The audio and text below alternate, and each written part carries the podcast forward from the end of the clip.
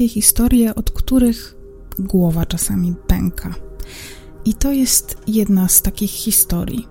Jako jedna z niewielu tutaj poruszanych przeze mnie spraw, jest taką sprawą, która ostatnio była bardzo głośna w mediach i właściwie bardzo jest w tym momencie aktualna, mimo że wydarzyła się ponad 20 lat temu. Wszystko zaczyna się na początku lat 90. w Legnicy. To tam mieszka Magdalena razem ze swoimi rodzicami, Julią i Zygmuntem. Mieszkają w centrum Legnicy, w jednej z wielu zresztą obecnych tam starych kamienic. Rodzice Magdy są świadkami Jehowy, podobnie jak ona, więc y, żyją w takiej dość zamkniętej społeczności, są bardzo religijni i też starają się, żeby ich córka pielęgnowała w sobie te wartości, które oni jej wpajają. Magda jednak jest bardzo młodą dziewczyną i pewnego dnia na jej drodze staje Robert. Kilka lat od niej starszy, przystojny, młody człowiek, w którym Magda bardzo szybko się zakochuje, zresztą z wzajemnością. Para spotyka się ze sobą, co nie podoba się rodzicom Magdy, ponieważ po pierwsze nie przypadają za tym chłopakiem, a po drugie jest on z tak zwanego świata, a Julia i Zygmunt dla swojej córki raczej pragnęliby męża, który byłby tego samego wyznania co ona. Tutaj też taki mały off-top, dlatego że zapraszam Was na mój drugi podcast Słuchowisko Pogadajmy o życiu, gdzie e, w lutym e, w odcinku pod tytułem Ludzie z innego świata Właśnie miałam okazję porozmawiać z dwójką ex-świadków Jehowy, Sarą i Edwinem z kanału Światusy, który też Wam serdecznie polecam. Pewnie część z Was zna ten kanał, ale właśnie tam Edwin i Sara mówią o tym, E, jakie są ograniczenia właśnie dla świadków Jehowy, dla wyznawców e, tej religii. Mm, I to pozwoli Wam trochę lepiej zrozumieć, jeżeli ktoś nie ma takiej wiedzy na ten temat, dlaczego świadkowie Jehowy, szczególnie ci ochrzczeni, nie mogą wiązać się z osobami, które nie są świadkami Jehowy. Znaczy, mogą, ale teoretycz, teoretycznie mogą, ale w praktyce wygląda to trochę inaczej i e, jest na nich wywierana dość spora presja. Więc tak też było w tym przypadku. Mm, rodzice nie byli zadowoleni z tego związku i tym bardziej nie byli zadowoleni z tego, kiedy pod koniec 92 roku dowiedzieli się, że Magda, ich niezamężna córka, jest w ciąży właśnie z Robertem. Robert zachował się tak, jak myślę, że część rodziców oczekiwałaby tego od y, partnera ich córek, który właśnie jest ojcem y, dziecka, które zaraz ma przyjść na świat.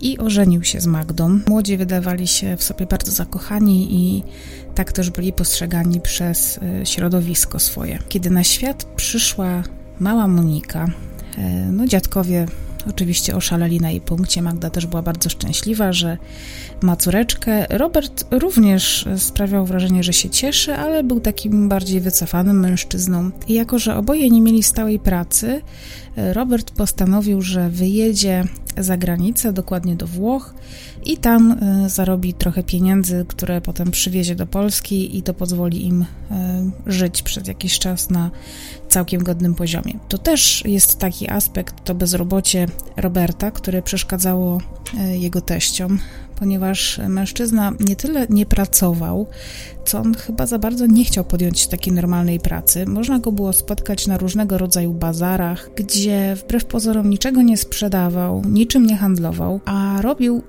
coś, co można nazwać sztuczkami. Czyli grał w trzy kubki, w jakieś karty, w jakieś sztuczki, wszystko, co miało spowodować, że ludzie położą na stole jakieś pieniądze, które on potem gdzieś tam w wyniku magicznej sztuczki przywłaszczy. Więc no, nie było to na pewno zajęcie, które mogłoby się wydawać dla kogokolwiek, wydaje mi się, jakimś takim e, no, szanowanym, czy w ogóle perspektywicznym. No, nie był to żaden zawód, to po prostu zazwyczaj są jacyś naciągacze. No i właśnie takim czymś trudnił się Robert. Ten wyjazd do Włoch trochę teściów pocieszył, pocieszył też e, młodą Magdę, która była młodą matką, ale na szczęście miała spore wsparcie w swoich rodzicach. Gdy Robert wyjechał do tych Włoch, e, to właściwie wychowywali tę e, małą Monikę we trójkę. Ciąża i małżeństwo z człowiekiem ze świata, nie ze świadkiem Jehowy, poskutkowało tym, że Magdalena została wydalona e, ze zboru co też na pewno było jakimś źródłem konfliktów e, i myślę, że to było bardzo trudną e, sytuacją dla całej rodziny, ponieważ jeżeli ktoś zostaje wykluczony ze zboru, to nie może jego rodzina mieć z nim kontaktu, co też jest w ogóle kontrowersyjnym moim zdaniem aspektem akurat tego wyznania, ale nie będę się tutaj zagłębiać w szczegóły. Polecam Wam w każdym razie ten odcinek. Tam pokazane są właśnie takie przypadki, yy, kiedy właśnie rodzina nie może już mieć kontaktu ze sobą, ponieważ ktoś z nich został yy, wydalony, czyli wykluczony ze wspólnoty. Tak właśnie było z Magdą, ale rodzice nadal jej pomagali, ryzykując tym samym wiele, ponieważ y, prawdopodobnie ich wspólnota musiała być w jakiś sposób o tym poinformowana, że oni mają kontakt z tą córką, co mogło się skutkować dla nich również wydaleniem z tej wspólnoty, a religia miała w ich życiu bardzo ważne y, miejsce, właściwie to pierwszorzędne. Kiedy Monika już y, była ponadrocznym dzieckiem, Robert wrócił z Włoch. Po tym powrocie zachowywał się zupełnie inaczej. Nie chciał za bardzo mieć kontaktu z Moniką, narzekał na nią, e, sugerował, że dziecko to jest kłopot, problem. Kiedy Magda mówiła mu o tym, że na przykład trzeba kupić jakieś nowe ubrania, to kwestionował tę potrzebę, dlaczego, że po co takiemu dziecku ubrania. I zaczął też używać takich dziwnych sformułowań, że wkrótce tego dziecka nie będzie, że wkrótce nie będą musieli o nim myśleć, co na dobrą sprawę nie budziło jakiegoś większego niepokoju poza nerwami, wymierzonymi tylko i wyłącznie w ojca, który y, zmienia swoje nastawienie wobec dziecka, więc y, teściowie już kompletnie stracili do niego szacunek i też na tej linii teściowie Robert było wiele konfliktów. E, mężczyzna się tym nie przejmował, zrzucał to cały czas na karp tych różnic religijnych e, i tak sobie to pewnie interpretował. Natomiast Magda, jako młoda, niedoświadczona jeszcze do końca życiem dziewczyna, była w Robercie bardzo zakochana. To też był ojciec jej dziecka, więc czuła się do niego przywiązana i starała się w jakiś tam sposób załagodzić ten konflikt i nie złościła się na mężczyznę, mimo że mówił o ich wspólnym dziecku jak o jednym wielkim problemie. Ta dziwna sytuacja utrzymywała się jeszcze przez kilka tygodni, aż 16 lipca 1994 roku, w sobotę, y, Monika miała wtedy półtora roku, obudziła się z bardzo, bardzo wysoką gorączką. Miała prawie 40 stopni mm, temperatury. Było więc oczywiste, że dziecko potrzebuje pomocy lekarskiej ale do lekarza y, umówiła ją y, pani Julia, która wybrała się y, razem z Moniką do lekarza wraz ze swoim mężem, czyli dziadkiem Moniki, ponieważ Magdalena, jej matka, była w tym momencie u koleżanki. I wiem, że to nie do końca dobrze brzmi, że w sytuacji, w której dziecko z bardzo wysoką temperaturą, bardzo małe dziecko, potrzebujące pomocy nie może w tym momencie liczyć na matkę, ale podejrzewam, że to wychowywanie Moniki odbywało się na takich dość równych zasadach pomiędzy tymi członkami rodziny, więc nie było w tym absolutnie nic dziwnego, że to dziadkowie poszli z dzieckiem do lekarza. Ale kiedy babcia ubierała e, Monisie, nagle pojawił się Robert i powiedział, że on też bardzo chętnie pójdzie z dziadkami e, do tego lekarza, bo się martwi o córkę. Było to dla nich bardzo dziwne, bo, czy takie dziwne. No, z jednej strony bardzo miłe, że on się wreszcie zainteresował, nawet sobie pewnie pomyśleli, że no, to dobrze, że chociaż jest jakiś plus z tej gorączki, że się przejął losem dziecka, e, ale zdziwiło ich to dlatego, że to w ogóle nie było podobne do Roberta nawet sprzed tego wyjazdu, a już po wyjeździe e, do tych Włoch i po powrocie, to już w ogóle nie przypominało jego zachowania. I o 10 rano wszyscy y, wychodzą z mieszkania i udają się do przechodni. Robert ze sobą bierze torbę, e, taką reklamówkę zwykłą i ma w niej ubrania, dokumenty, co jest nawet zastanawiające, ale mm, Teściowie jakoś nie wnikają w to, dlaczego ich zięć mm, zabiera za sobą swoje najlepsze ciuchy do przechodni w sobotę. Podczas wizyty lekarskiej okazuje się, że Monika ma jakiś stan zapalny, więc do, otrzymuje od y, lekarza receptę na y, jakieś szczopki, syropy, antybiotyk, co wiąże się z tym, że wracając z przechodni dziadkowie y, Monika i jej ojciec muszą udać się do apteki. I tej apteki również idą w komplecie ale że w aptece jest y, kolejka. Pani Julia sama idzie do apteki, natomiast pan Zygmunt, Robert oraz Monika y, czekają na zewnątrz. Robert y, prowadzi wózek z Moniką, gdzieś tam chodzi po okolicy, dziadek grzecznie stoi pod apteką i czeka na babcię.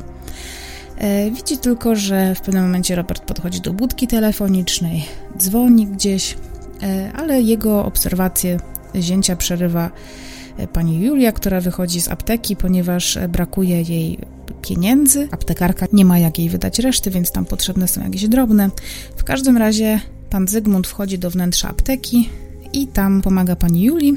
I kiedy wychodzą z tej apteki, pokonują schody, pani Julia miała z tym problem, e, pyta się swojego męża, gdzie jest e, Monika i Robert. Zgodnie z prawdą odpowiada, że mężczyzna jest gdzieś tam koło budki telefonicznej, no ale kiedy ich wzrok wędruje do tej budki, to okazuje się, że nie ma tam ani Roberta, ani Moniki, więc zaczynają się rozglądać po okolicy.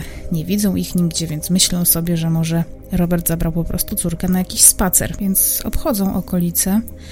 E, nie widzą nigdzie swojej wnuczki ani swojego zięcia, więc decydują się na to, że najlepiej będzie, kiedy pójdą do domu, bo najprawdopodobniej Robert znudził się czekaniem pod tą apteką i tam poszedł z Moniką. No ale w domu nikogo nie było. W międzyczasie y, do domu przychodzi Magda, która jest zdziwiona tym, że nie ma jej córki ani jej męża. I kiedy dowiaduje się, że Robert poszedł gdzieś sam z Moniką, zaczyna się denerwować i to na tyle się denerwuje, że już o 15, czyli 5 godzin po wyjściu wszystkich do przechodni, idzie na policję i mówi o y, zaistniałej sytuacji. Oczywiście nie trudno się domyślić, że w sytuacji, w której Robert był mężem Magdy, ojcem Moniki i miał pełne prawa rodzicielskie, no to miał prawo ze swoim dzieckiem pochodzić po mieście. Ale policja bierze te słowa e, Magdy na poważnie i przez kilka godzin jeżdżą po Legnicy, rozglądając się po różnych parkach, deptakach, centrum miasta i tak szukając właśnie gdzieś Moniki. Pomyśleli też o tym, że na przykład Robert spotkał jakichś znajomych, gdzieś tam poszedł, zabalował, dziecko gdzieś zostało, albo że zabrał dziewczynkę gdzieś do swoich znajomych i tam z nią spędza czas. Kilkugodzinne poszukiwania nie przynoszą żadnych rezultatów, a policja nie do końca może przyjąć jakiekolwiek zawiadomienie o uprowadzeniu dziecka, ponieważ ojciec, który ma prawa rodzicielskie, pe e, w pełni te prawa ma, nie może uprowadzić dziecka. Ponadto nie miał żadnych właściwie powodów ku temu, żeby to robić. Minęło kilka dni. Ani Roberta, ani Moniki e, nie było w domu, nie pojawili się. Więc 20 lipca Magda Bielawska idzie na policję po raz kolejny i tym razem już zgłasza, że Monika zaginęła i najprawdopodobniej została uprowadzona przez swojego ojca Roberta Bielawskiego. W tym zgłoszeniu o porwaniu dziecka możemy doczytać się, możemy doszukać się kilku bardzo niepokojących zdań. Początkowo Magda opisuje ich relacje, mówi, że w marcu urodziła swoją córkę, a właściwie to od, od tych słów zaczyna e, to zawiadomienie. E, opisuje właśnie sytuację, jak wyglądał ich związek, i kiedy Monika przyszła na świat, e, Robert się nieco zmienił, wyjechał do Włoch, a kiedy wrócił z tych Włoch, nie mówił nigdy do Moniki po imieniu, nie mówił o niej córeczka, dziecko, tylko używał słów takich obraźliwych, e, na przykład tytułując ją mianem Bachora. E, mówił także, że sprzeda tego Bachora, pozbędzie się go, bo mu przeszkadza, a tak to przynajmniej będą z tego pieniądze. To jest cytat. Ale oczywiście są takie zdania, które bolą, które nie są miłe, szczególnie jeżeli pochodzą od bliskich i kochanych przez nas osób, ale których nie bierzemy na poważnie. E, kiedy odgrażamy się komuś w kłótni, że ja cię chyba zabiję, to raczej mało kto potem faktycznie spełnia swoją obietnicę czy groźbę na dobrą sprawę, tak to chyba powinnam nazwać. I tak było też w tym przypadku. Ale Magda zaczęła zauważać takie niepokojące sygnały, że za każdym razem, kiedy w pobliżu Moniki pojawiał się Robert, to mm, zaczynała płakać. Na policji też Magda mówi o tym, że dziecko miało kilka takich e, dziwnych śladów, mm, tak jakby uszczypnięć, siniaków, co też policjantów bardzo niepokoi. Jednak mimo to Magda nie odczuwa takiego lęku o życie swojego dziecka. Nie martwi się o to, czy ono żyje, czy nie żyje, tylko jest zła na Roberta, że zabrał córkę od niej i nie jest pewna tego, jak może się on tym dzieckiem zajmować, skoro mówił o nim tak złe rzeczy. I właściwie celem Magdy w tym momencie jest to, żeby córkę jak najszybciej odzyskać, odbić tak na dobrą sprawę Robertowi, co policjanci rozumieją i szybko podejmują działania. Bardzo szybko y, sprawa Moniki y, zostaje zgłoszona wszystkim komendom, komisariatom. Wszyscy wiedzą, że zaginęła półtoraroczna dziewczynka z Legnicy. Ale kiedy policjanci proszą Magdę o zdjęcia dziecka i ta idzie do domu, żeby takie zdjęcia przygotować, okazuje się, że z domu zniknęły wszystkie fotografie dziewczynki. Wyjęte zostały z albumów, nie ma dosłownie ani jednego zdjęcia. Jedyne zdjęcie, które Magdalena znajduje, jest jeszcze niewywołane i znajduje się w aparacie jej rodziców, którzy Monikę wzięli ze sobą na kongres Świadków Jehowy i tam zostało zrobione jakieś grupowe zdjęcie, gdzie Monika z oddali ma zrobione zdjęcie, jak siedzi w wózeczku, więc ta twarz jest gdzieś z profilu uchwycona, e, niedokładna jest, e, nie ma tam żadnych szczegółów.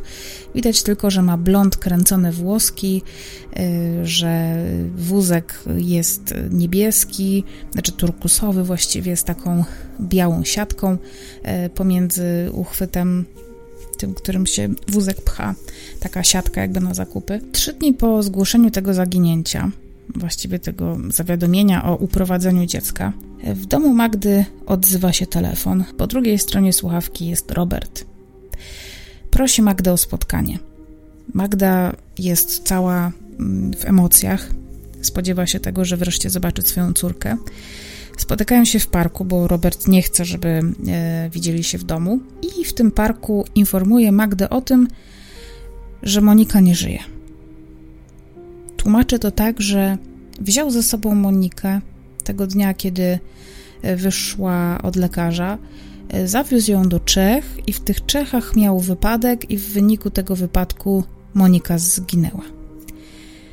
Ta historia nie ma najmniejszego sensu, no bo był u lekarza, bo wiedział, że dziecko jest chore, wziął leki, tylko jak dostał te leki, to wyjechał do Czech. Ale przecież leki zostały w aptece, spod której właściwie Robert Monikę wziął. E, no i bardzo szybko też udaje się zweryfikować e, autentyczność e, tych słów Roberta, ponieważ nie było w tych dniach, w których on mówił w tym okresie, Żadnego wypadku w Czechach, w wyniku którego zginęła jakaś dziewczynka, w ogóle nie było takich śmiertelnych wypadków w tym czasie. E, także nawet gdyby był, e, to i tak oni już by zostali poinformowani o tym, bo to się dzieje wszystko z automatu jakoś. Nie wiem jak to działa, ale zostaliby na pewno poinformowani, a policja w Polsce poinformowana przez policję czeską. Kiedy udaje się to zweryfikować, Magda ponownie spotyka się ze swoim mężem. I tym razem Robert informuje ją o zupełnie innych losach y, ich córki. Mianowicie mm, y, mówi, że sprzedał Monikę jakimś ludziom, których spotkał na giełdzie y, czy na bazarze. I są to mieszkańcy Katowic, którzy nie mieli dziecka, zawsze bardzo pragnęli mieć dziecko, i że on tak bardzo chciał, żeby oni to dziecko mieli, że zrezygnował nawet ze sprzedaży, że otrzymałby z tego tytułu jakąś zapłatę, tylko oddał im Monikę i jeszcze dał im 2 miliony starych złotych, czyli dzisiejsze 200 złotych, na to, żeby oni y, mieli tam na jakąś tam małą wyprawkę dla dziecka. Najprawdopodobniej tego dnia, kiedy Robert y, opowiedział tę historię Magdzie, musiał ją w jakiś sposób, tak w cudzysłowie, udobruchać, uspokoić że Monika żyje, że będzie miała lepiej z innymi ludźmi. I skutkiem tej rozmowy jest to, że Magda nie wraca tego dnia do domu, zostaje z Robertem i przez kilka dni nie daje właściwie znaku życia. E, chodzą po jakichś znajomych w Legnicy, e, wałęsają się po mieście, nawet e, sypiają w parku. I po sześciu dniach, 29 lipca, Magda wraz ze swoim mężem idą na policję i odwołują poszukiwania Moniki. Inicjatorem tej całej dziwnej akcji jest Robert, który oświadcza na policji, składa zeznania, że które znowu są już trzecią wersją wydarzeń i mówi, że tego 16 lipca 94 e, roku, kiedy razem poszedł z teściami i z Moniką do lekarza, e, to zrobił to dlatego, że wcześniej wziął aż 12 tabletek relanium, bo się bardzo źle czuł, dlatego, że teściowie go dręczą, bardzo źle go traktują, mają o wszystko pretensje, nie akceptują go. I pod y, apteką, kiedy był z dzieckiem sam, wykorzystał ten moment nieuwagi teściów i postanowił oddać Monikę swoim y, dalekim znajomym, którzy pragnęli zawsze dziecka i oni dali znać Robertowi właśnie o tym, że chętnie by takie dziecko zaadoptowali, czy nawet kupili od jakichś ludzi i że to była już wcześniej umówiona akcja, więc on na ten dzień i tak był umówiony i po prostu wykonał plan, o którym nikogo innego nie y, poinformował. Kiedy policjanci zapytali, co to są za znajomi, y, on powiedział, że nie wie, jak się nazywają, bo nie zna ich nazwiska. Natomiast wie, że są dobrzy, y, że handlują złotem, łańcuszkami na bazarze, że on ich tam po prostu kojarzy. Jedyne, co się zgadza z poprzednią wersją tej historii, to to, że to są znowu jacyś mieszkańcy Katowic tylko tym razem już nie było nic y, powiedziane o tym, że dał im jakiekolwiek pieniądze. Jednocześnie Robert deklaruje policjantom, że y, odnajdzie Monikę na własną rękę, bo on wie, gdzie tych ludzi szukać. Proszą natomiast o to, żeby mogli sami się tym zająć, żeby nie robić afery i problemu tym ludziom na policji, no bo jednak handel dziećmi jest nielegalny. Policjanci są zszokowani tym, co się właśnie wydarzyło, więc oczywiście łatwo się domyślić, y, że nie zrezygnowali z poszukiwań dziecka i dalej y, pracowali nad tą sprawą. Postanowili jeszcze bliżej przyjrzeć się y, Robertowi. Tymczasem on postanowił zabrać ze sobą swoją żonę do Katowic i zaproponować jej wspólne poszukiwanie dziecka. Jednak w tych Katowicach są przez chwilę, e, wałęsają się bez celu, właściwie Robert nigdzie jej nie prowadzi, tylko postanawia, że no, teraz tutaj nic nie wskurają, więc bez sensu, żeby Magda tutaj się wałęsała po tych Katowicach razem z nim, więc wsadził ją w pociąg, odesłał do Legnicy, a kontakt z nim po raz kolejny się urwał. Magda wraca do swoich rodziców, którzy są w szoku, że córka po pierwsze spotkała się z tym człowiekiem, że nie było jej tyle czasu, że chciała y, odwołać te poszukiwania, że mu w ogóle uwierzyła, że jakim prawem on y, Monikę komukolwiek oddał. I są po prostu zdruzgotani. 2 sierpnia 1994 roku Sprawa zaczyna już e, przybierać poważniejsze i bardziej konkretne kształty, ponieważ zajmuje się już nią prokuratura, która wszczyna śledztwo. Brane pod uwagę są właściwie trzy główne hipotezy. Pierwsza to taka, że Monika faktycznie została przez Roberta y, oddana innym ludziom, sprzedana najprawdopodobniej, ponieważ mężczyzna miał problemy finansowe, które najprawdopodobniej wynikały z tego, że on gdzieś w tych Włoszech zajmował się jakimś nielegalnym biznesem i tam coś się stało, być może już we Włoszech komuś obiecał dziecko i musiał się wywiązać z tej obietnicy.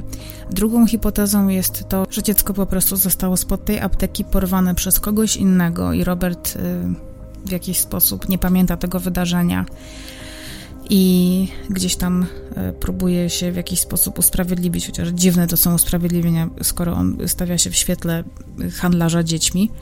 A trzecia hipoteza jest taka, że Monika po prostu nie żyje i że y, straciła swoje życie z rąk ojca. Dziadkowie zresztą nie pozostawiają złudzeń, że ich zięcie jest zdolne absolutnie do wszystkiego, Poza tym w tej sytuacji, w której się znaleźli, zaczęli też zauważać pewne rzeczy, które umykały ich uwadze wcześniej. zaczynają zauważać, że kilka dni przed zaginięciem, przed zniknięciem właściwie Moniki, E, Robert dziwnie się jej przyglądał, nie spuszczał jej z oka, wypowiadał takie bardzo dziwne zdania, że niedługo nikt się nie będzie musiał nią zajmować.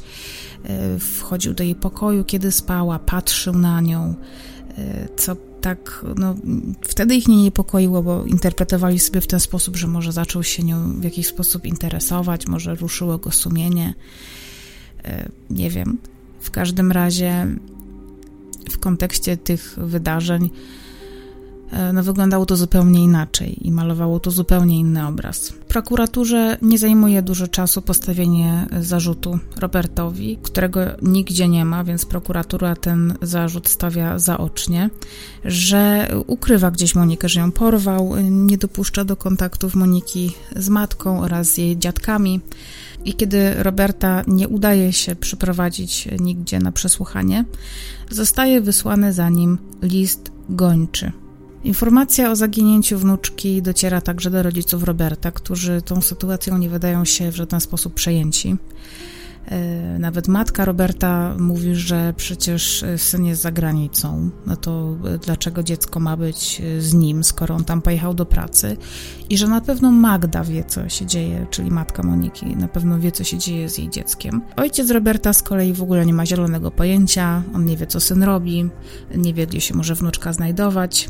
I sprawa właściwie zamiera na jakiś moment. Zostają powołani biegli, którzy e, tworzą takie ekspertyzy na temat zarówno Roberta, e, rodziny, samej Magdy. E, tutaj może posłużę się cytatami z tekstu w dużym formacie autorstwa Katarzyny Lubinieckiej. Biegły psycholog o Robercie nie miał najlepszego zdania. Jako człowieka o osobowości psychopatycznej stwierdził także, że Robert jest egoistyczny, kłamie, wykorzystuje innych, jest bezkrytyczny w stosunku do siebie.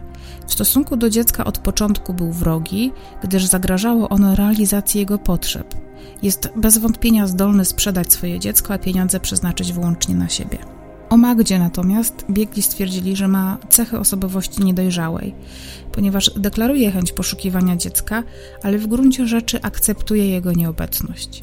Wygodniej dla niej jest być osobą wolną. Poszukiwania córki wykorzystuje jako sposób zwrócenia na siebie uwagi, dzięki temu staje się popularna. Chętnie pozuje do zdjęć, poprzez sprawę realizuje swoje potrzeby znaczenia i ważności. Biegli ogólnie stwierdzają, że sprawa nie wywołuje u zarówno Roberta, jak i u Magdy poczucia winy w stosunku do siebie. Przyznam szczerze, że nie jest to najlepsza opinia, jaką może słyszeć matka E, na swój temat, kiedy dochodzi do zaginięcia jej dziecka. E, I kiedy ta sprawa w 1994 roku jest bardzo głośna, to Magda ma zaledwie 20 lat. W każdym razie policja w żaden sposób Magdy nie wiąże z tą sprawą, ona nie, jest, nie występuje tam w charakterze podejrzanej, więc też miejmy to na uwadze i starajmy się jak możemy nie oceniać tej sytuacji. Y, wiemy, że można w różnym wieku, w różny sposób się zakochać i są to zawsze bardzo złożone relacje. E, jednak pamiętajmy też, że to Magda zgłasza zaginięcie córki to bardzo szybko i przez wiele, wiele lat bardzo się starała, żeby e, swoją córkę odnaleźć. Tym bardziej, że e, Magda w 1995 roku składa wniosek do sądu o pozbawienie Roberta praw do dziecka i tak się właśnie dzieje. Kiedy już jest pozbawiony tych praw, postanawia odnowić kontakt ze swoją żoną, jednakowoż nie wie o tym, że żona straciła do niego kompletnie zaufanie, e, że jej telefon jest na podsłuchu, że policja cały czas e, bada tę sprawę i szuka Moniki, więc wiedzą o wszystkich y, ruchach Roberta, które on y, zdradza gdzieś tam Magdzie po drodze.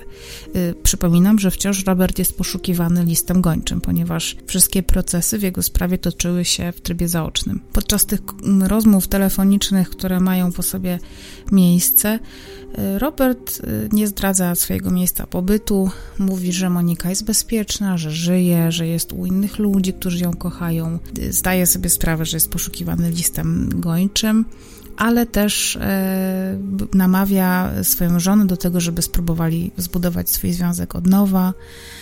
E, mówi jej nawet o tym, że może pomóc jej zajść znowu w ciążę i że na świat przyjdzie ich drugie dziecko, które będą wychowywać wspólnie. E, mówi jej o tym, że mogłaby znaleźć pracę w Niemczech, e, potem też rzuca inne kraje w Europie, gdzieś tam zachodniej i nawet w Skandynawii, gdzie mogliby pracować. I mówi o tym, żeby Magda do niego przyjechała, ale żeby zabrała ze sobą swoje zdjęcia oraz jakieś nagrania VHS, na których jest, i namawia ją też gorąco, żeby wzięła wszystkie swoje koleżanki i namówiła do wyjazdu za granicę. E, Magdzie bardzo szybko zapala się lampka w głowie i brzmi jej to tak, jakby mąż chciał ją zrekrutować do jakiegoś domu publicznego. E, Robert na to reaguje śmiechem, że przecież w ogóle skąd jej to przyszło do głowy. E, I właściwie e, ta rozmowa się na tym kończy. Magda nigdzie nie wyjeżdża, a Robert się nie ujawnia. Jego miejsce pobytu udaje się ustalić natomiast ponad dwa lata później. Okazuje się, że przez ten cały czas y, mężczyzna siedział w Austrii, gdzie posługiwał się podrobionymi dokumentami i dzieje się tak tylko dlatego, że y, śledczy, które zajmują się tą sprawą, postanawiają go dopaść. Y, dostali jakiś cynk, że on może być właśnie w Austrii, że w Wiedniu się gdzieś tam znajduje. Więc na własną rękę, zupełnie po godzinach, w trakcie swojego urlopu udali się do Wiednia. Y, tam postarali się przez jakąś Polonię, najprawdopodobniej w tej Austrii, Roberta namierzyć, a że to był 97 rok i Polska nie miała jakichś tam umów międzynarodowych, które pozwalałyby policji austriackiej aresztować y, obywatela Polski za przestępstwa, które, których dokonał w Polsce, więc to się jakby nie może odbyć taką e, jakąś oficjalną drogą, jeżeli to dobrze rozumiem. Więc policjanci polscy postanawiają pomóc trochę swoim kolegom z Austrii. Mm, jadą do tego Wiednia, namierzają Roberta, robią mu jakieś zdjęcia z ukrycia, y, tam całą siatkę znajomości y, rozpracowują i te gotowe informacje przekazują policjantom austriackim, którzy na podstawie listu gończego, który jest ustawiony w Polsce, zatrzymać Roberta. I tak się właśnie dzieje. W tym wszystkim pomaga aktywnie Magda, która wywabia Roberta, bo umówiła się z nim. I też to spotkanie ma doprowadzić y, do tego, że Robert w końcu powie, gdzie jest Monika, ale niestety nic nowego nie mówi. Mówi tylko, że jest ona bezpieczna, że znajduje się u jakiejś polskiej rodziny. Więc kobieta załamana wraca z powrotem y, do Polski. Robert y, jest zatrzymany, znajduje się w austriackim areszcie. Okazuje się, że posługuje się właśnie podrobionymi dokumentami, a mimo to po niedługim czasie zostaje zwolniony z austriackiego. Jednakowoż y, austriacka policja już go gdzieś tam ma na swoim radarze. Udaje się też y, postawić mu takie lokalne zarzuty austriackie, ponieważ Robert dokonał kilku kradzieży na budowie, na której podobno pracował. W związku z tym Austriacy mieli bardzo dobry pretekst do tego, żeby mężczyznę poddać ekstradycji E, do Polski i tak się właśnie dzieje. Jesienią 97 roku Robert wraca do Polski i pozostaje do dyspozycji prokuratury. Podczas kilkumiesięcznego aresztu dochodzi do wielu, wielu, wielu przesłuchań. Roberta oczywiście. E, I w wyniku tych przesłuchań śledczy poznają kolejne wersje losów Moniki. I tak, przy wersji z oddaniem Moniki tym handlarzem złotem z Katowic, Nagle okazuje się, że y, Robert przypomina sobie ich imiona, że to małżeństwo Zbigniewa i Alicji, nawet dzieli się ich rysopisem. Do tego wszystkiego dodaje nagle ważny szczegół, że ta transakcja była transakcją sprzedaży, za którą Robert otrzymał pieniądze. Byli umówieni na 20 milionów złotych, czyli 2000 złotych obecnie. Natomiast finalnie e, za swoje dziecko otrzymał tylko 5 milionów, czyli 500 złotych, z czego był niezadowolony. Podczas kolejnego przesłuchania mówił e, o tym, co powiedział na początku Magdzie, że ci ludzie nie byli bardzo biedni, ale bardzo zdeterminowani, żeby mieć dziecko. Więc finalnie Robert sprzedał Monikę, ale sprzedał tak, że jeszcze dopłacił 2 miliony złotych, żeby oni mieli na jakąś tam wyprawkę. E, dodał też, że nowi rodzice Moniki wyjechali do Niemiec, a kilka miesięcy po tej transakcji oni do niego zadzwonili i poinformowali go, że oddali Monikę do domu dziecka, że już nie chcieli się nią zajmować. Śledczy łapią się tego wątku telefonu, że skoro oni do niego dzwonili, to y, musieli pewnie znać jego numer telefonu, pewnie ze wzajemnością. To jeszcze były czasy, y, gdzie nie, były, nie było telefonów komórkowych w takim powszechnym użyciu. Y, I owszem, Robert twierdzi, że ma do nich numer telefonu, ale ten numer telefonu zostawił w jakimś notesie. Mm, ten notes jest y, w jego wynajmowanym mieszkaniu,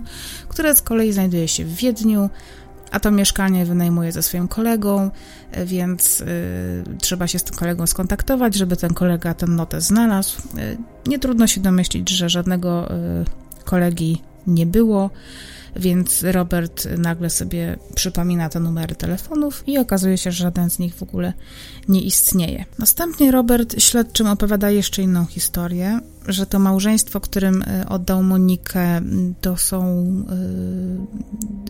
y, Polacy, którzy mieszkają w Austrii, są obywatelami Austrii. Nagle przypomina mu się ich nazwisko, że nazywają się Fritz.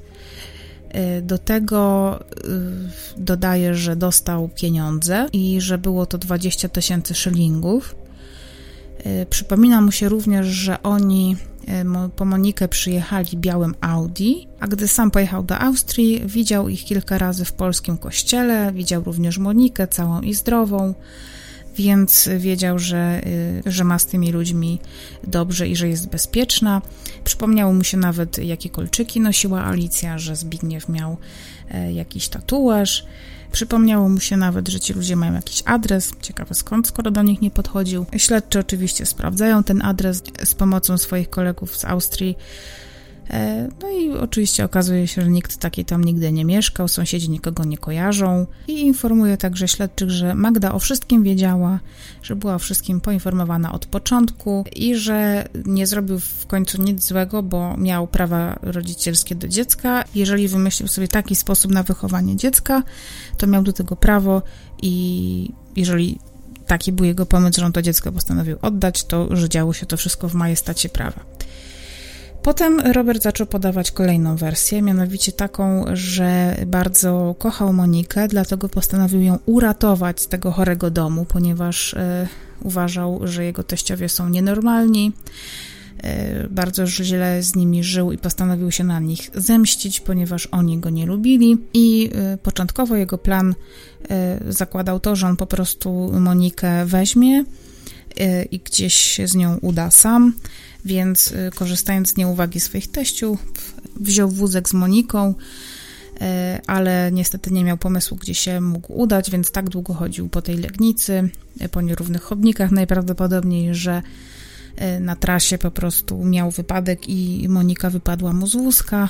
I kiedy wypadła z wózka, on próbował ją podnieść, to się okazało, że Monika się w ogóle nie rusza i po jakimś czasie, bardzo krótkim, zdał sobie sprawę z tego, że dziewczynka nie żyje, więc udał się do Lasku Złotoryjskiego, to jest taki park w Legnicy i tam e, postanowił pochować swoją córkę. Potem tę wersję wzbogacił kilka dni później i już dodał, że świadkiem tego całego wydarzenia była jakaś sprzedawczyni ze sklepu, którą, która to wszystko widziała i że trzeba się do niej udać, żeby ona to potwierdziła. Nie trudno się domyślić, że żadnej takiej sprzedawczyni o rysopisie, który on podał, nie było. Lasek oczywiście został przeszukany. Zwłok Moniki nie znaleziono, mimo że Robert upierał się, że właśnie swoje dziecko tam zakopał, nawet opisywał dokładnie w jakiej pozycji, w jakim grobie, jak było dziecko ułożone, że było na boku, że miało nóżki podciągnięte yy, i że wózek yy, porzucił gdzieś tam w krzakach, ale ani wózek, ani żadne szczątki, nawet najmniejsze ludzkie yy, w tym lasku nie zostają znalezione. Trzeba tu też wziąć pod uwagę, że półtora roczne dziecko E, po tak długim czasie, bo te e, zeznania Roberta najprawdopodobniej dzieją się na przełomie 97 i 8 roku, więc e, jest to już 3-4 lata po zaginięciu. To ciało na pewno zostało, zdążyło się generalnie rozłożyć, natomiast z dużym prawdopodobieństwem można stwierdzić, że powinna zostać chociaż czaszka z tych zwłok. Prokuratura postanawia wykorzystać przypadku Roberta badanie wariografem i z tego badania wariografem e, właściwie niewiele wychodzi, ponieważ e, z tego badania wynika tyle, że Robert najbardziej reagował na pytania związane ze śmiercią e, i z zabójstwem Moniki. E, więc skutkiem tego jest, więc skutkiem tego jest zarzut, który stawia mu prokuratura, e, a zarzutem tym jest zabójstwo. Kiedy ten zarzut zostaje mu postawiony, on zaczyna nagle oczerniać Magdę, Mówi, że przecież y, właściwie tu nawet nie wiadomo, czy to było jego dziecko, więc nie zależało mu na tej córce. Y, po co miałby ją zabijać? Jeżeli ją zabił, to gdzie są zwłoki? Przecież ich nie zjadł, więc zaczyna się znowu wycofywać z wcześniej złożonych zeznań, że dziecko nie żyje. No i tak bawi się z policją w babkę na dobrą sprawę. Dzieje się wtedy coś bardzo niedobrego, ponieważ jest 98 rok, E, prokuratura pracuje nad tym, żeby e, sprawa trafiła do sądu, więc e, zbiera dowody przeciwko Robertowi. Z nowej ekspertyzy mm, biegłych psychiatrów wynika, że Robert jak najbardziej był zdolny do pozbycia się swojej córki, czy to przez zabójstwo, czy przez sprzedaż. Nawet był w stanie właśnie pozbyć się zwłok własnego dziecka. Określają go jako człowieka zdrowego psychicznie, świadomego swoich e, decyzji i wyborów, więc był w stanie ocenić, co jest dobre, a co złe. Aczkolwiek uważają go za osobę niedojrzałą w zakresie uczuciowości wyższej, czyli absolutnie nie potrafił przykład współodczuwać, czy w ogóle rozumieć swoich emocji. Biegli także stwierdzają, że Robert y, nie łączyła właściwie z Moniką żadna więź, że córka budziła w nim wyłącznie negatywne emocje od takiego od zazdrości, wściekłości, złości. E, traktował ją w życiu jako problem, jakąś barierę na jego drodze do e, własnych e, planów czy jakichś tam wymagań wobec życia. Powiedziałam, że dzieje się w tym 98 roku coś złego, ponieważ zmienia się prokurator przypisany do tej sprawy. I nowy prokurator 25 września 1998 roku decyduje o tym, że Robert może odpowiadać z wolnej stopy, więc zwalnia go z aresztu. Musi się natomiast meldować y, i zgłaszać tam na komendę y, chyba co tydzień. To się nazywa dozór policyjny. Robert szczęśliwy wychodzi y, z tego aresztu, udaje się od razu do domu rodzinnego Magdy. Tam rozmawia ze swoimi znienawidzonymi teściami.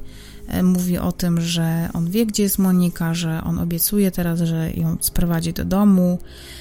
Prosi tylko o to, żeby teściowa dała mu, czyli mama Magdy, pani Julia, dała mu pieniądze na podróż. On musi jechać za granicę, więc to musi być 200 zł. No i kierowana tą nadzieją, pani Julia daje mu te pieniądze. Robert wychodzi i znika. Trzy tygodnie później zostaje mu postawiony zarzut o uprowadzenie i handel dziećmi, czy sprzedaż własnego dziecka, ale niestety sprawa nie może się rozpocząć, ponieważ oskarżonego nie ma, więc znowu za Robertem y, zostaje rozesłany list gończy. I wyobraźcie sobie, że sprawa y, zamiera na 10 lat. Przez 10 lat Nikt nie jest w stanie namierzyć Roberta. E, wszyscy odsyłają jedną instytucję do drugiej. E, sąd chce ruszyć z procesem, ale prokuratura nie może, no bo nie ma oskarżonego, więc pisze do policji, która ma go znaleźć. Policja mówi, że nie może go znaleźć, bo mężczyzny nie ma i tak dalej, i tak dalej, i tak dalej, i tak dalej. W 2006 roku, po 8 latach ukrywania się Roberta, sąd podejmuje decyzję, że wystawia za Robertem list gończy, europejski list gończy i nakaz aresztowania. I dopiero po dwóch latach Robert, już uzbrojony w opiekę prawną, ponieważ wynajął jakiegoś tam swojego adwokata, y, kontaktuje się z sądem, który prowadzi tę sprawę, jest to sąd w Legnicy, i prosi o list żelazny, że jak dostanie ten list żelazny, to on przyjedzie na proces. List żelazny polega na tym, że można na dobrą sprawę odpowiadać z wolnej stopy, czyli to, co się działo wcześniej, co doprowadziło do jego ucieczki. Jako, że y, wszyscy są w kropce, ponieważ chcą sprawę zamknąć, chcą się dowiedzieć, gdzie jest dziecko, chcą, y, jeżeli tego się chociaż nie da ustalić, no to chcą doprowadzić do skazania mężczyzny, żeby Robert w końcu usłyszał wyrok i odsiedział swoją karę. I wiedzą, że jeśli nie wydadzą y, tego listu żelaznego, no to najprawdopodobniej Robert znowu się będzie ukrywał, więc wydają zgodę na ten list żelazny, w wyniku czego Robert jeszcze na kilka miesięcy zostaje wolnym człowiekiem. Kiedy do mediów dociera informacja, że proces w tak głośnej sprawie będzie mógł w końcu ruszyć, wszyscy są pełni nadziei, że uda się wreszcie poznać losy dziewczynki, ale w tej sprawie wiele razy byliśmy rozczarowywani e, i zaskakiwani kolejnymi wersjami Roberta, więc na sali sądowej dowiedzieliśmy się tylko tyle, że Robert nic o tej sprawie nie wie, że najprawdopodobniej to teściowie w ogóle się dziecka pozbyli, a że są wyznawcami innej niż katolicka wiary, no to najprawdopodobniej może ją złożyli w jakiejś ofierze e, podczas jakiejś e, czarnej mszy i wypiera się jakiegokolwiek związku z tą sprawą.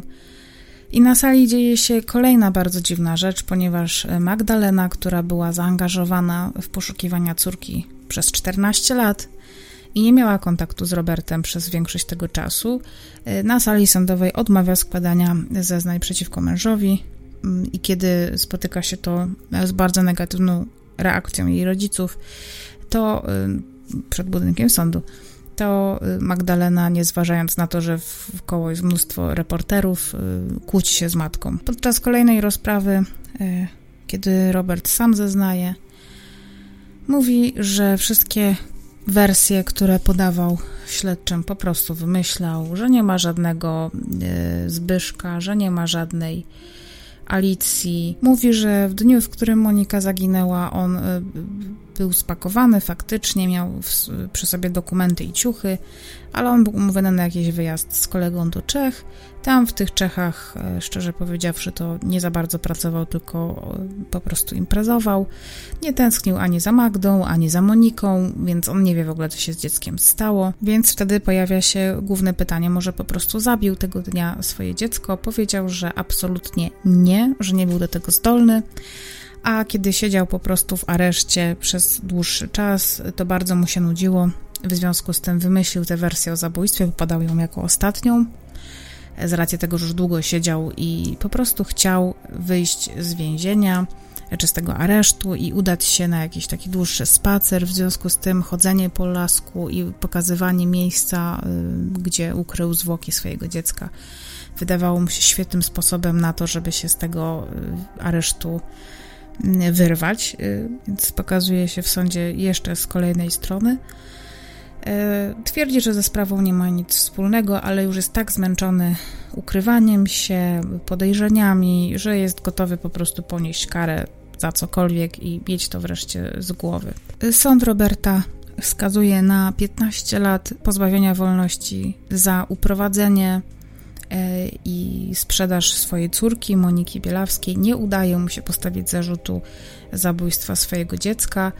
E, karę zaczął odsiadywać e, mniej więcej w 2000, na początku chyba 2009 roku, ponieważ był wcześniej objęty tym listem żelaznym, więc ten wyrok chyba zapadł w 2009 roku, co powoduje, że jeszcze będzie siedział przez najbliższe 3-4 lata i wyjdzie na wolność. I właściwie ta sprawa mogłaby się tutaj zakończyć takim gorzkim finałem, że nie wiemy, co się stało z Moniką.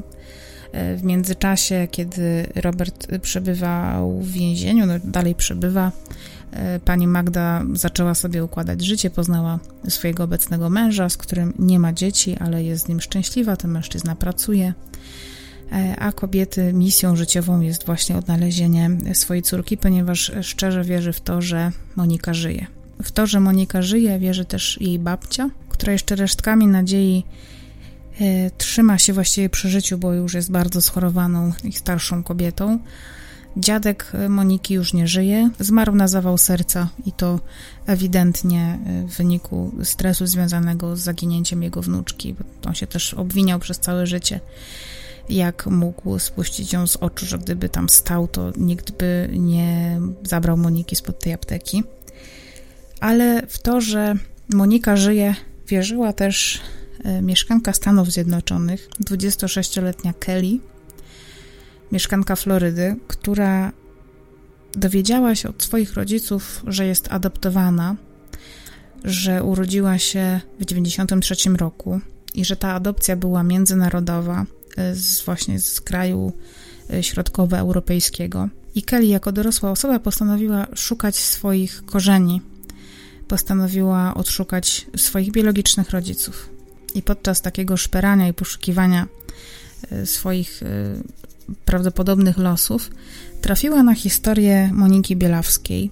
Zobaczyła jej jedyne zdjęcie z dzieciństwa i zobaczyła w twarzy małej Moniki siebie z dzieciństwa.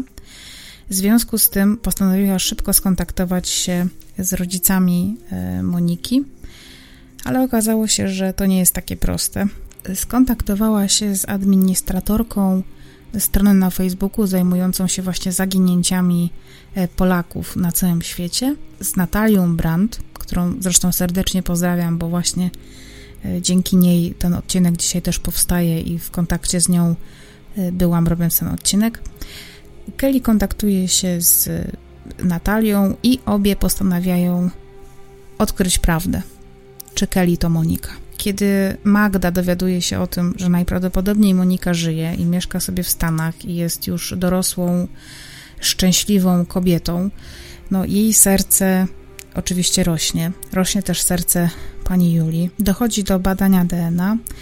Y, najpierw badana jest y, Magda, jej próbka zostaje porównana z próbką Kelly i dosłownie półtora tygodnia, dwa tygodnie temu okazało się, bo przyszły wyniki tych badań, że Kelly nie jest Moniką Bielawską, ponad wszelką wątpliwość. No, była to taka smutna wiadomość dla obu stron. Robert nadal nie przyznał się do winy, nie poczuwa się w żaden sposób do odpowiedzialności za los swojej córki. Nie wiadomo, czy została uprowadzona, czy została faktycznie sprzedana, czy została oddana do adopcji, chociaż to legalnym sposobem nie jest absolutnie możliwe. E, nie wiadomo też, czy została zamordowana. Nie wiadomo, jeżeli tak, to nie wiadomo, gdzie są jej zwłoki. I jest to taka sprawa, która jest nieprawdopodobnie irytująca i taka aż swędząca, że właściwie z całą pewnością możemy stwierdzić, że Robert wie, co się stało z dzieckiem, tylko od jego dobrej woli zależy to, czy matka, babka i rodzina pozna wreszcie losy dziecka, które było przez nich kochane. Policjanci też trochę gorzko mówią o tej całej sprawie, bo są przekonani, że gdyby nie dziadkowie, czyli pani Julia i pan Zygmunt, to losami Moniki prawdopodobnie nikt by się nie interesował i byłaby prawdopodobnie takim dzieckiem, które po prostu pewnego dnia zniknęło z radaru i, i nagle mogłoby się okazać nie wiem, po wielu, wielu latach, że po prostu jej nie ma. Być może byłaby to taka sprawa jak z chłopczykiem z Cieszyna, czyli Szymonkiem z Będzina, którym się okazał po dwóch latach. Jest to taka sprawa, która po prostu boli. W związku z tym apel zarówno ode mnie, jak i od pani Magdy, od pani Julii i Natalii Brandt, która zajmuje się poszukiwaniami tak wolontariacko właśnie Moniki, jest taki, że jeżeli ktokolwiek cokolwiek wie o tej sprawie, y, może nawet anonimowo skontaktować się z fanpage'em Natalii, y, najlepiej oczywiście z policją anonimowo, ale jeżeli ktoś nie ufa służbom, to wystarczy wysłać anonimowego maila, chociażby na po miałpa piąte nie zabijaj.pl, do czego Was serdecznie zachęcam, bo myślę, że jest na świecie ktoś poza Robertem, kto wie, co mogło się stać z Moniką. I dobrze by było poznać historię dziecka, które nie mogło nigdy jej napisać po swojemu. Dziękuję Wam dzisiaj za uwagę. Mam nadzieję, że z tego odcinka wypłynie coś dobrego, jakaś chociażby śladowa informacja, którą można E, użyć, by dowiedzieć się, co się stało z Moniką. Bardzo Wam dziękuję za to, że dzisiaj spotkaliśmy się tutaj przed mikrofonem i przed głośnikami czy słuchawkami. Życzę Wam spokojnego tygodnia, dbajcie o siebie i bądźcie bezpieczni.